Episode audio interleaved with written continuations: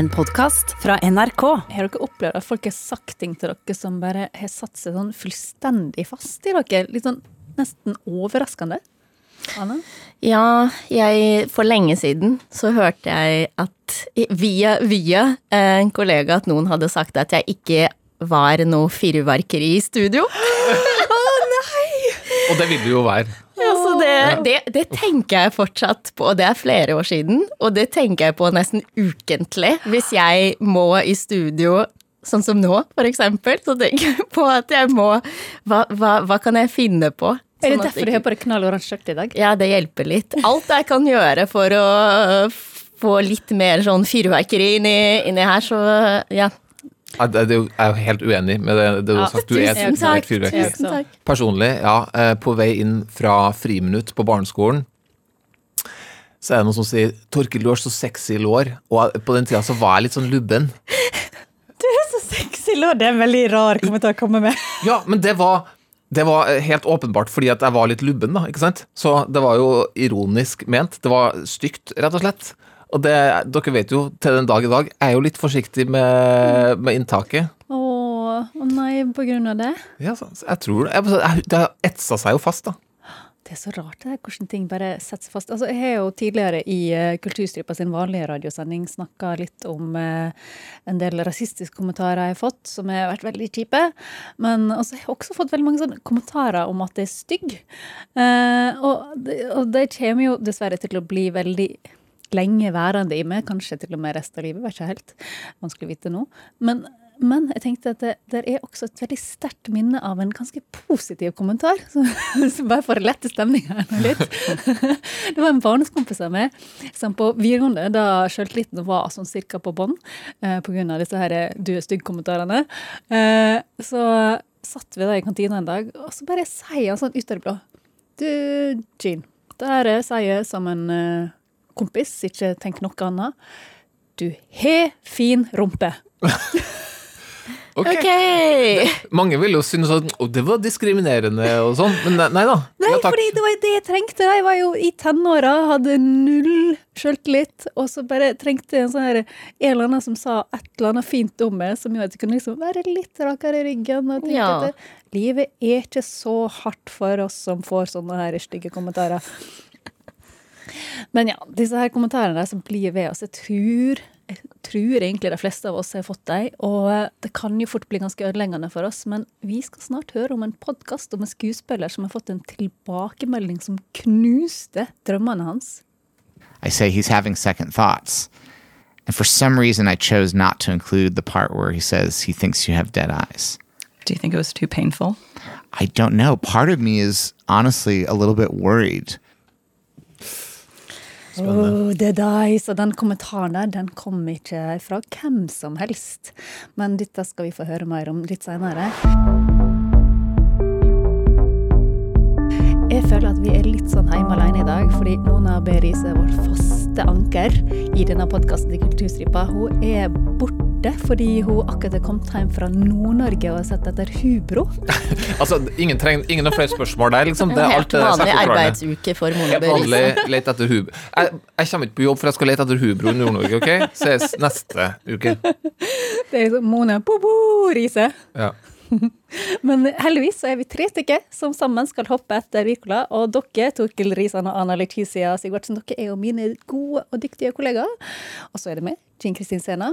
Og sammen så skal jo vi gi folk eh, ukas beste anbefalinger. Men eh, vi har jo også til vanlig en, eh, et godt gammeldags radioprogram, eller hva? Ja, mange gode gjester. Hva skal vi si om det, Torkil? Jeg sender hver dag, én time, en spennende gjest hver dag. Mange anbefalinger. Veldig mye Mange anbefalinger. Gode Ja. anbefalinger. Og musikkinnslag. Ja. Sjekk ut radioprogrammet også. og masse spennende gjester. Og, men i denne podkasten her så har vi altså samla alle de beste anbefalingene våre, og kommer med tips til splitter ny musikk som du kan kose deg med. Og Torkel, vi begynner med det å kjærligheten. Mm. Eh, Jeg har med en serie som heter Hjerteslag. eh, Kommer med sesong to nå i dag. Eh, En serie som, som i hvert fall tok meg tilbake til startgropa på liksom voksenlivet. Altså i, I slutten av de formative årene, sånn starten av 20-årene. Det, det der hovedpersonene befinner seg, sånn aldersmessig. Det er ingen av dere som så sesong én, ikke sant? Nei. Nei. Nei. Eh, Det er da veldig korte episoder i Hjerteslag. Går fort å se. Og de spiller inn sesong tre akkurat nå mens vi sitter her, så så det her er fort gjort å liksom bli veldig gira på Hjerteslag. Eh, Og i serien så møter vi da Anders, som blir dumpa av kjæresten, eh, og, og jobber da sammen med sine to kamerater, som selvfølgelig er sånn type gutter, som sier 'nå må du få deg en rebound'. Eh, Det vil jo da trøstesamleie, er jo det mitt fornorska Og det ord av det. veldig fine ordet. Ja, eh, og han er jo ikke typen kanskje egentlig til å bare gå ut og få seg et trøstesamleie, men han, han drar da ut på byen. Der møter han Mio, som eh, er på byen for å finne et ennattseventyr. Uh, og Du er full av, du er full av gode oversettinger. Så jeg håper Språkrådet hører på. ja, Um, men de deler da en eh, kebab, og, og etter hvert også seng. Eh? Oh. er det en- den veien det går? Altså, Kjøper du kebab og deler den, så er det rett til sengs? Nei?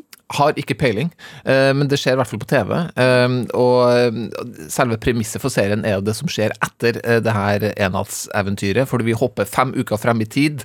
De har ikke møttes noe mer siden da, men så blir Mio litt kvalm. Og, Og, eh, jeg regner med kvalme på Vi, TV. vi vet Ja, Hva det? det betyr. Ja. Dere er jo kvinner. Det kan bare bety én ting. Dere er jo kvinner sjøl. Har dere noen gang vært kvalm uten å være gravid? Ja! Ja, men- ikke sant? Det, ja. for det trodde jeg nemlig at det gikk an, men på TV så går ikke det an. Nei. Hvis du er kvinne og er kvalm, gravid. Det er ikke, det er ikke matforgifting av kebaben fem uker etterpå. Det, det kunne det jo vært. Men det er også det første mange spør hvis du er kvinne og sier 'å, jeg er litt kvalm'. Så er det alltid noen som er sånn 'å, oh, oh'. Ja. Men så her, her er, Det er jo utgangspunktet, men hva burde Mio gjøre? Har Anders noe han skulle ha sagt til det her? Første innskytelsen til Mio er å ta abort, hun ta, men hun er jo ganske ansvarlig, tar kontakt med Anders Kebab, som han er lagra på, eh, telefonen sånn, eh, for å fortelle om hva hun har tenkt å gjøre. Men så er det jo ikke så ukomplisert som å bare gå og gjøre det allikevel. ikke sant? Og spenninga rundt hva som skal skje, er jo der. Hadde det vært en amerikansk TV-serie, så vet du, da, da er det aldri abort. Det, det er fy-fy på TV i USA. Eh, Men eh, samtidig med at fosteret vokser, så gjør jo følelsene mellom Anders og Mio også det. Det vokser. Eh, Og det er mange fine scener i den serien her, med det, med det litt alvorlige bakteppet, som det jo er, og kanskje skulle få et barn. Eh, Men de er jo usikre, ikke sant. Så, så det her alvorlige bakteppet, sammen med en ny og usikker forelskelse, gir mange fine scener, litt sånn som det her. Hva tenker du på? Nei, ingenting. Jo, si det.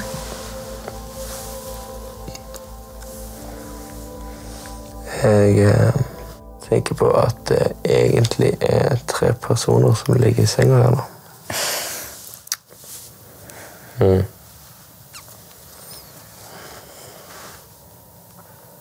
Hva vil du at vi skal gjøre?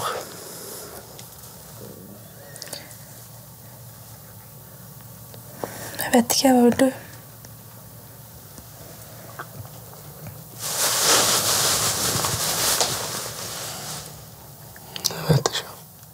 De er, så de er usikre, de, de, er- de er unge, ingen vet hva de vil, og litt sånn ja, hva vil du?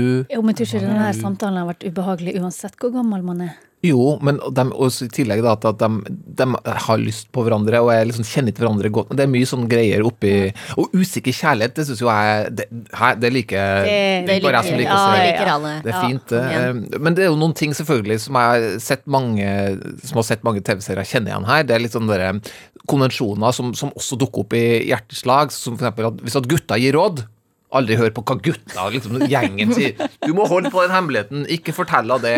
Det er dårlig. Det, det er mye av det greia. Sitter du da og roper 'nei, nei'? Vær så snill. eh, Men, men den hjerteslag den overrasker også på noen sånne type ting hvor du ser sånn ja, nå kommer det og det til å skje, men så snur det litt og sånn. Og det da jeg syns serien er best, da. vil jeg si. Så, så vil jeg også trekke fram skuespillerne. Eh, som kanskje det beste kortet serien har. Vebjørn Enger, som, uh, som jeg har sett i Askeladden-filmene, uh, men også som Jarle Klepp i Kompani Orheim. Han er utrolig god som Anders. Veldig mye mer å spille på. Og han er troverdig både som liksom litt kul, men også uh, usikker. Han er den eh, lojale. Han kan være den litt sånn ekle. Han, han klær alle de forskjellige fasettene. Uh, og så har han også også uh, bra selskap da, med Thea Sofie Loch Ness som spiller eh, i eh, serien, som har blitt internasjonal eh, stjerne. Eh, kanskje fra The Last Kingdom folk kjenner, som skade der.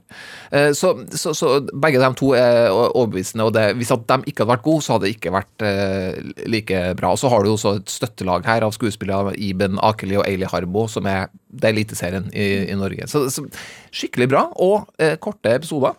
Hvor korte snakker vi? Ja, Hvor kort snakker vi? Vi er ned på femminutteren på det korteste, tror jeg. Oi! Er det, Eh, ja, ja, ja.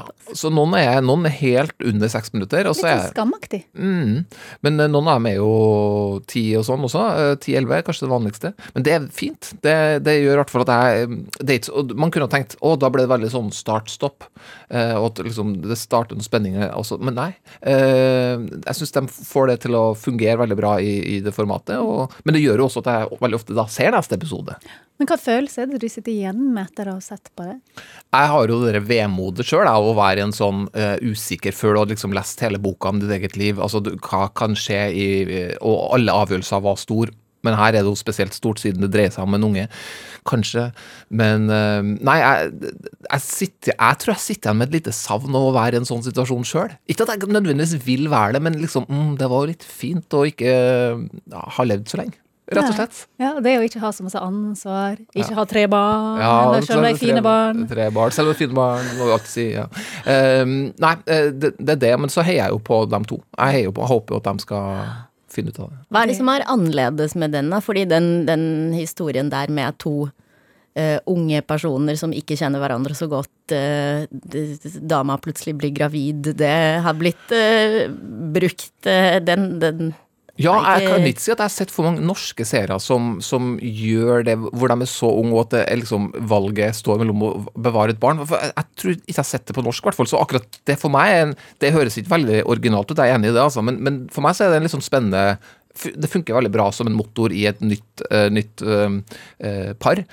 Så er det jo det formatet da, med at det er litt sånn kortere episoder, og at det, er, det gjør også at du må ha en veldig sånn tett eh, historie. Du kan ikke bre ut for mange andre historielinjer her. Her er det det det handler om, så det blir veldig sånn uh, veldig snerpa inn, veldig tydelig og skarpt. Og det, det, det gjør at jeg hekter meg på de personene og Det heier på. høres jo veldig bra ut. Altså, hele sesong én av Hjerteslag ligger ute på TV2 Sumo nå. Tolv korte episoder på fem til tolv minutter. Og sesong to Sesong to kom i dag, så da har du eh, enda flere episoder å se på. Veldig bra. Anna, hva har du tatt med deg i dag? Jeg veit at det er noe med Tom Hanks å gjøre, og det er Den artig. drittsekken. Hæ? Tom Hanks. Drittsekken Tom Hanks! Han er den aller snilleste fyren i bransjen, ikke sant? Jo da, eh, jeg, jeg, altså, jeg tuller litt. eh, men eh, jeg hørte altså på podkasten Dead Eyes. Hvordan skal vi oversette det? Døde øyne. Eh, den er laget av Tungt blikk. Tungt blikk er litt ja. mer Ja, ja, ja. beskrivende. Eh, som er laget da av eh, skuespiller Conor Ratliff. Dere kjenner helt sikkert ikke til han, men han er eh, Han har hatt noen mindre roller i serier jeg vet dere to har sett. Eh, Marvelous Mrs. Maisel. Oh, Eh, Orange is the New Black, eh, men på ingen måte et kjent navn. Jeg kan fortelle litt hva som skjer de første 15 minuttene eh, av eh, episode 1, eh, sånn at dere skjønner hvor Tom Hanks kommer inn her. Året er 2000. Conor Ratliff han er ganske fersk som skuespiller. Men han har fått seg en agent, han går på masse auditions. Han, han gjør alle de tingene som jeg ser for meg en ung, sulten skuespiller gjør. Og så får han plutselig en fantastisk mulighet. Han får vite at selveste Steven Spielberg, selveste Tom Hanks, har begynt å, å jobbe sammen i en ny og spennende HBO-serie. Husk at dette er 2000. Serien er Band of Brothers. Vet ikke om du husker den, Torkil? Om jeg husker den, er en av mine favorittserier. Den er helt Stjernen fantastisk. i øynene til Torkil. Ja, ja, ja. Han er i hvert fall stor fan av eh, disse to. eh, vokst opp med filmene deres, sånn som oss og mange i vår generasjon. Eh, og så prøvespiller han til en ganske liten rolle i serien, som Private Zelinsky. Han er bare et par replikker. eh, og han får jobben! Han får jobben. Tenk på det, Jean. Du, en fersk skuespiller fra Sunnmøre. Prøvespiller for uh, en ny serie laget av Spielberg og Tom Hanks. Får jobben. Å, fy flate. Jeg, jeg, jeg, vet hva, da, jeg, jeg tror ikke jeg hadde trodd på det sjøl. Jeg. tror Ja. jeg hadde liksom måttet bedt dere om å klype meg veldig mange ganger. Og har ikke helt skjønt det her, siden jeg er veldig dårlig skuespiller. Ja, ja. Men eh, se bort fra det. Conor Ratliff han, han blir selvfølgelig også kjempeglad, forteller alle han kjenner om det. Begynner å drømme om en stor karriere som skuespiller, og så skjer dette. The day before I was due to film my first scene, I had booked an afternoon train ticket from Liverpool to London. That's when I got a phone call from my agent. In a panicked voice, I was delivered this news You have to get on a train to London right away. Tom Hanks your audition tape, and he's having second thoughts. He thinks you have dead eyes. Dead eyes? What did that mean? Å, herregud. Å, oh, herregud. Oh. Det er kommentaren du ikke vil ha, altså. Det er en liten ting, men det er jo Tom Hanks. Ja, men hvorfor- Det er ikke helt. Det er ikke en liten ting. Og du Hvorfor har- sier Tom ja. Hanks det, da? Ja. Han må jo ha du hadde fått da. jobben, du var så glad. Uh, ja, han får vite at Tom Hanks har sett audition-tapen hans, og er litt usikker på om han uh, er uh, Burde ha hatt den rollen, fordi han har dead eyes. Tomt blikk. Um, eller, ja.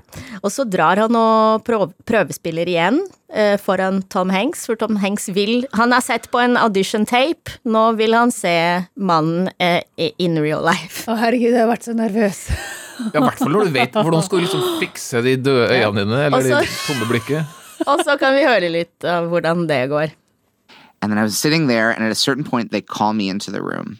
And Tom Hanks is sitting there on a couch. And there was not a lot of chit chat, uh, but he said, uh, "Well, uh, let's uh, let's hear it." And then I proceeded to do, uh, I think, a three minute scene. And I don't know, I don't have any memory of whether I was like popping my eyes or trying to like. You probably were. I, I bet I was. And so I do the scene, and I remember he said, uh, "Oh, is that it? Oh, I wish there were more." and, he, and then he like shook my hand, and I went out of the room. And then I sat there for I, I think uh, it was probably only a few minutes, but it was like a long few minutes. Yeah. And I'm sitting on this couch, and Suzanne Smith, she knelt down in front of me, and part of me thought like, "Oh, she has good news for me. Yeah. She's going to tell me like you've got it. You know, get ready to film tomorrow." Yeah. Yeah. And then she said, They've decided to go another way. Å, oh, Og han, han får altså ikke jobben til slutt. Å, stakkars. Og akkurat den kommentaren fra, fra Tom Hanks, og, og det at han ikke får den der pangstarten i karrieren, det klarer aldri Conor Ratliff å legge bak seg. Selvtilliten hans får, en, får seg en knekk. eh, og han blir mye mer selvbevisst. eh, ja, karrieren hans tar aldri ordentlig av. Og så begynner han, som mange andre, mange av oss, å tenke sånn Hva hvis? Kunne jeg sagt noe? Eller kunne jeg gjort noe annerledes? Eh, som, som kunne gjort at livet mitt plutselig tok en helt annen retning. Eh, og Band of Brothers ble jo, som du husker jo fortsatt den, Torkel, den ble jo en stor suksess. Ja, altså, den er jo en sånn slags sånn milepæl innen TV-drama, TV-drama, vil jeg si. Den fikk eh, både Golden Globe og Emmy for beste miniserie det, det året. Men, men hvordan er det dette her liksom utvikler seg til å, som podkast, denne historien her? Ja, ikke sant. Det her er de første fem minuttene, 15 minuttene. Eh, og så er det um, åtte episoder til. Det, det, det skal egentlig være en, ti, uh, en serie i ti episoder, men de to siste episodene har ikke kommet ennå pga. koronasituasjonen. Den måtte stoppe produksjonen. Så nå er det veldig spennende å, å, å se hva som skjer. Men hva gjør han i de åtte som har kommet?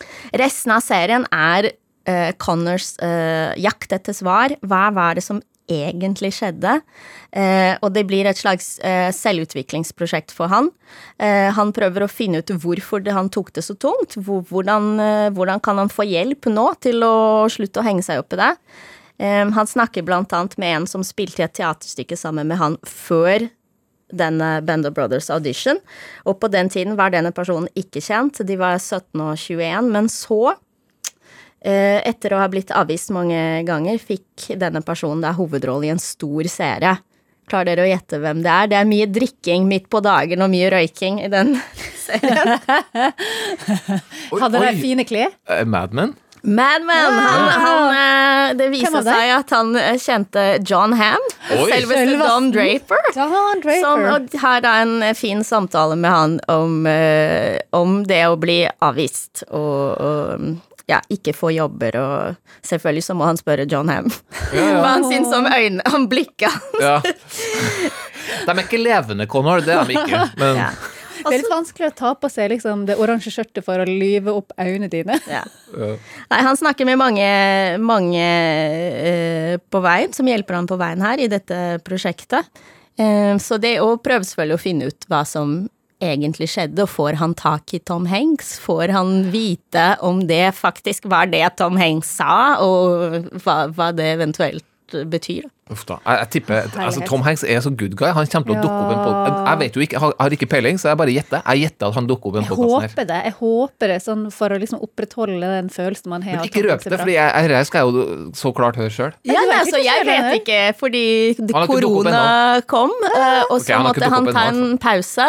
eh, Og Tom Hanks fikk jo, som dere sikkert vet, også korona. Å, herregud. Eh, Men det gikk bra, eh, heldigvis. Men altså, Conor Ratliff han er egentlig veldig glad i Tom Hanks, og det er ikke Mm. sånn at han syns Tom Hanks var en, en, en drittsekk, at han legger skylda på Tom Hanks for å ha ødelagt livet i, hans. han er ikke så glad i Tom Hanks at han oppsøker Tom Hanks mens han er koronasyk. Nei. men, eh, men han er interessert i å utforske hvorfor eh, vi lar oss påvirke av feilene våre på den måten. Og så er han selvfølgelig veldig nysgjerrig på alt annet, da. Um, på, på hva Tom Hanks egentlig sa, for det er det som er liksom motoren, og det er, det, det er litt ekstra gøy at Men det er Tom Hanks som sa det. Men får du noe mer ut av det enn at det her Det er jo en utrolig spennende historie. Hva, hva er det liksom du virkelig drar ut av det sjøl? Um, jeg, jeg um, For å si det sånn, det er, for meg så er det Den kunne vært mye strammere. Fordi det er mange omveier her, og mange ting som gjentas. Men, men for meg så er det en ekstremt underholdende podkast. han er morsom, han er Conor Ratliff. Eh, og det er for meg høy gjenkjennelsesfaktor, jeg tror for mange også, for vi, det som vi snakket om i starten her, hvem er det som ikke har fått en kommentar Ja. som du ikke klarer å glemme? Sexy lår. Sexy lår. Eh, så den fikk meg, om ikke annet, til å innse hvor latterlig uviktige ting eh, jeg lar meg påvirke av i livet. Eh, det er et veldig sympatisk prosjekt, og, og veldig gøy. Det høres ut som det er noe som alle oss bør høre på, for å kanskje lære litt om oss sjøl. Kanskje? Ja, hvis du er åpen for å liksom reflektere rundt det, og hvis du, hvis du sliter med noe lignende selv, så Jeg, jeg, men, ja, alt det der, men jeg tenker jo først og fremst for en kul historie. Jeg har lyst til å Ja. høre det her, jeg har lyst til å høre John Ham og alt det, alt det du sa der. Jeg synes det hørtes veldig underholdende ut. Blandingen en kul historie, lærer noe om oss sjøl. Veldig bra kombinasjon, tenker jeg. Nei. Tusen takk, Anna. The Dice finner du altså der du liker å høre på podkaster. Det var et fyrverkeri av et innsalg, Ja, eh, Anna. det si? Ja, dere, Ja. tusen takk. Det bare kom i med Det, det hjelper litt. Jeg har lagt det litt, litt mer bak meg nå. Bra. Bra. OK, folkens. Min tur. Hva forhold har dere til kortfilmer? Godt forhold, vil jeg si. Ja. Eh, En, en god kortfilm, det, det kan gjøre ja, underverker. Ja, Du har jo egentlig akkurat skrytt av en serie som på en måte er bitte små kortfilmer på et vis. Ja, kan man jo si, selvfølgelig. De hadde sett rare ut hvis de sto for seg sjøl, eh, vil jeg jo si. Det, det bør jo en god kortfilm klare. Men konsentrert historie. i hvert Ja. Jeg er veldig glad i det.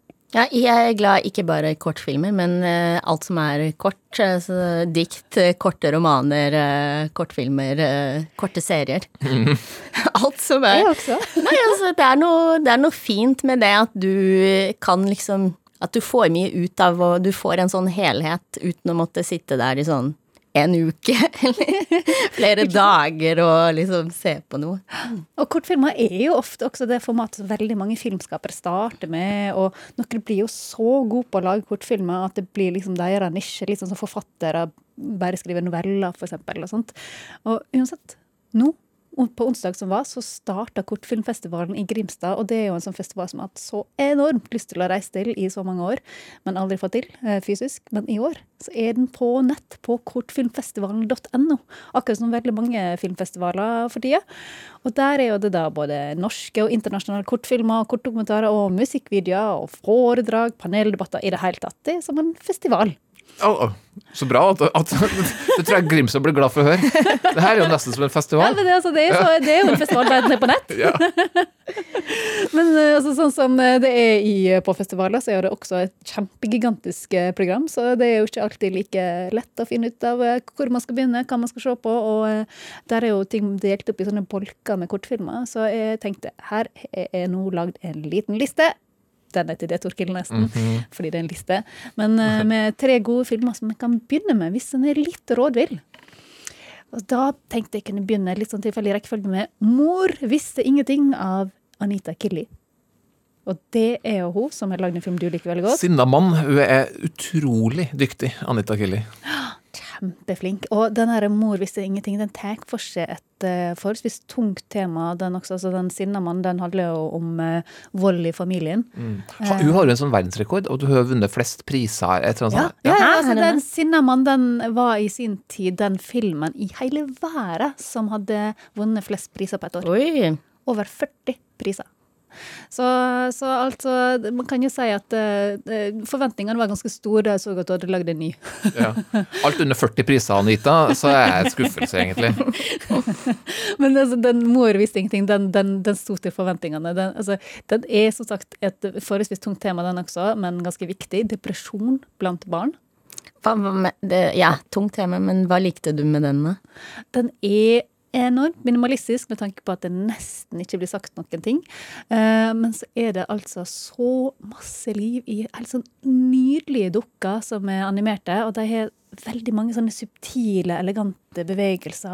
Og så er det veldig bra lyddesign og helt sånn fantastiske mm, bildeutsnitt og lyssetting og sånt. Så det gir liksom en sånn eh, magisk følelse av å faktisk kunne leve seg ordentlig inn og kjenne på de indre følelsene som uh, filmen prøver å formidle at et barn med depresjon har. da.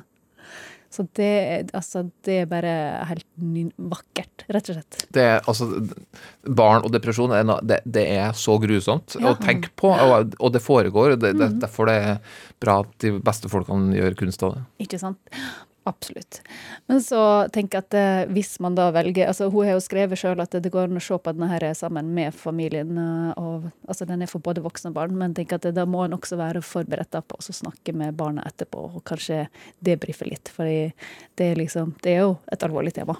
Jeg er litt nysgjerrig. Blir det enda sterkere nettopp fordi den er så komprimert? Eller kort? Det kan være. Altså det, og, og det at det ikke blir sagt noen ting også, kanskje. Det er veldig mange ting der som, eh, som spiller med den. Men jeg har også med en litt mer munter film. Eh, 'Ribaditt' av Elle Sofie Sara. Kan du høre litt?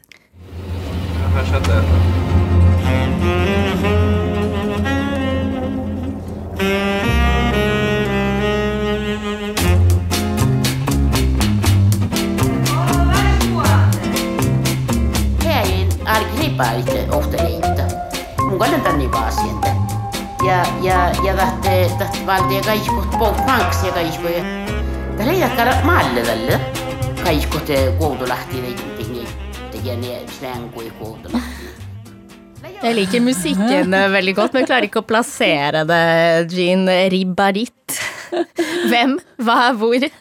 Jo, det er altså Oversatt eh, til norsk så betyr tittelen 'Å trekke i beltet'. Og filmen handler om en utetradisjon i den samiske bygda Guavdagaidno.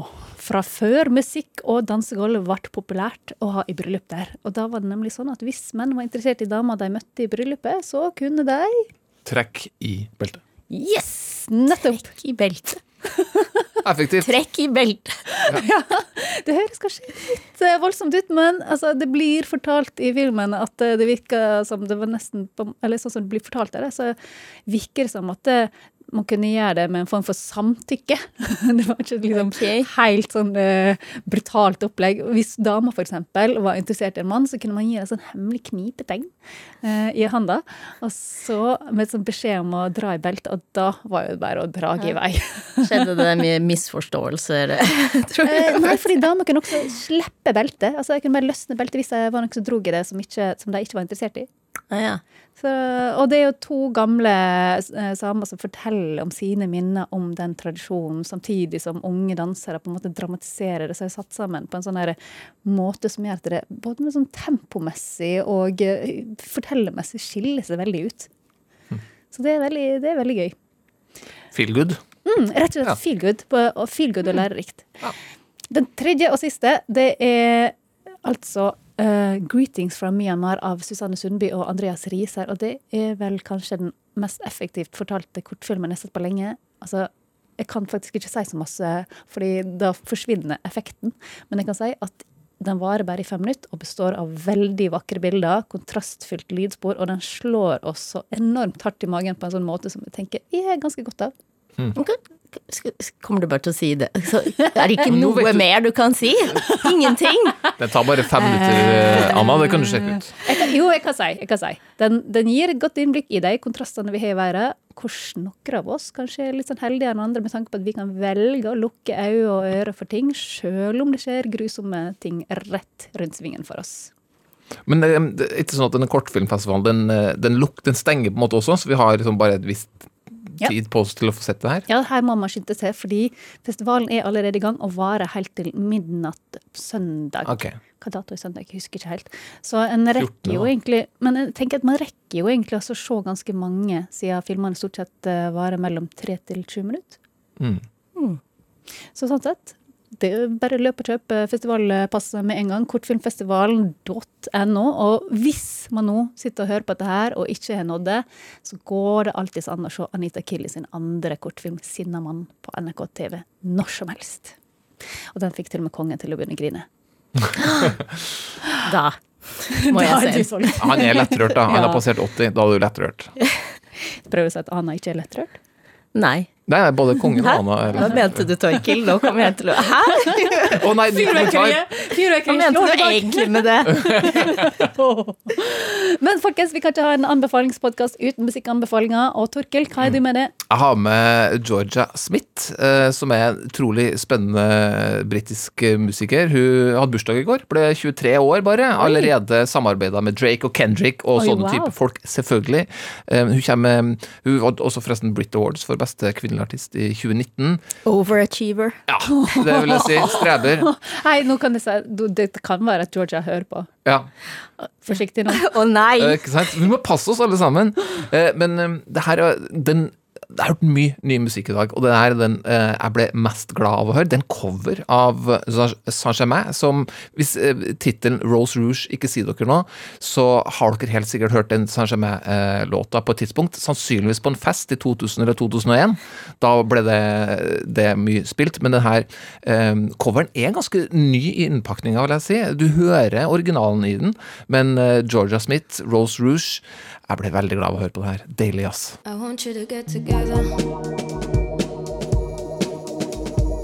you.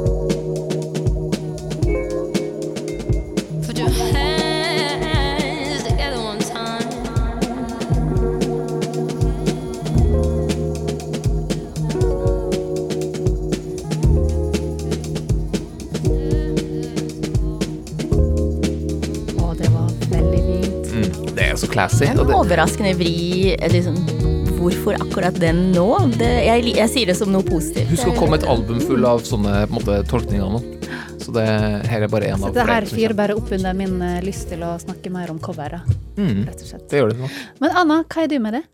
Jeg har med Gorillas og Octavian, en låt som heter Friday 13th. Eh, Gorillas, du sa Torkel om 2000-2001. Det var liksom Hvem hørte ikke på uh, Gorillas, uh, Clint Eastwood i 2011? good ink litt etterpå. Ja. Eh, Men, men det fineste for meg her er Octavian, som jeg ikke kjente så godt fra før. Men han har eh, en, en stemme, en måte å synge på, som har veldig mye sånn hvor personlighet virkelig kommer frem. Det skiller seg ut i mengden av veldig mye, så, eh, så mange låter eh, som høres litt like ut. Mens når han synger, så føler jeg at her er det noe annerledes. Så det, han likte jeg veldig godt. Han er fransk-britisk rapper. Vi kan høre litt på låta.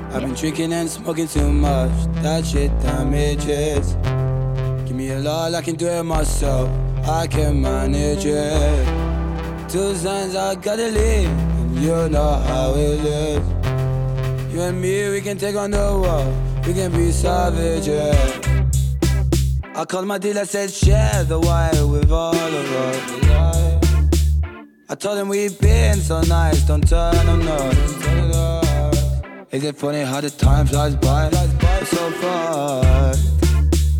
If we do all of these lines, we go up. But if I look into your eyes, I make you realize.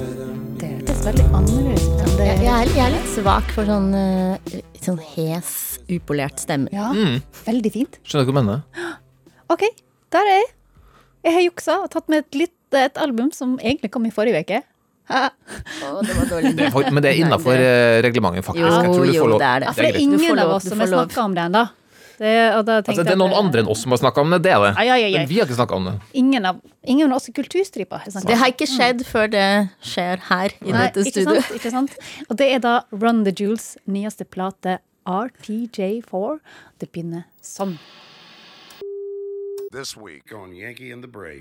Back at it like a crack addict, Mr. Black Magic, crack a bitch back. Chiropractic, craftmatic, dick, daddy smoking dick, Cali in a black alley in a black granddaddy rolling down old natty how napping Matty as a black granddaddy all back, no cabin fat black, boat captain stay floating, no flapping wave runner. I'm a gunner, I'ma have your block hot as a sauna all summer, and I put that on Osama and my motherfucking mama. I'ma terrorize the actors playing like they want some drama. I'ma chop 'em with a chopper till I motherfucking drop 'em. Drop 'em. Drop 'em. Stack addict on Mac when the blackest fabric. I'm back, I'm magically racking it. That's when I'm ducking right at that Yankee and the Brave. Wow. Og det er åpningssporet sitt, det. Det sparker. Det liker jeg kjempegodt. Utrolig kult. Det er sånn musikk som jeg liker å høre i bilen. Ikke sant? Hvis jeg kjører alene. I bilen. Pass på litt, da. Det der, det der det virkelig er fyrverkeri. Når du står i køa til Ja. på, på vei til Asker. Nei, det må du ikke gjøre, Anna. Men jeg må bare si at det absolutt hele det albumet anbefales på det aller varmeste.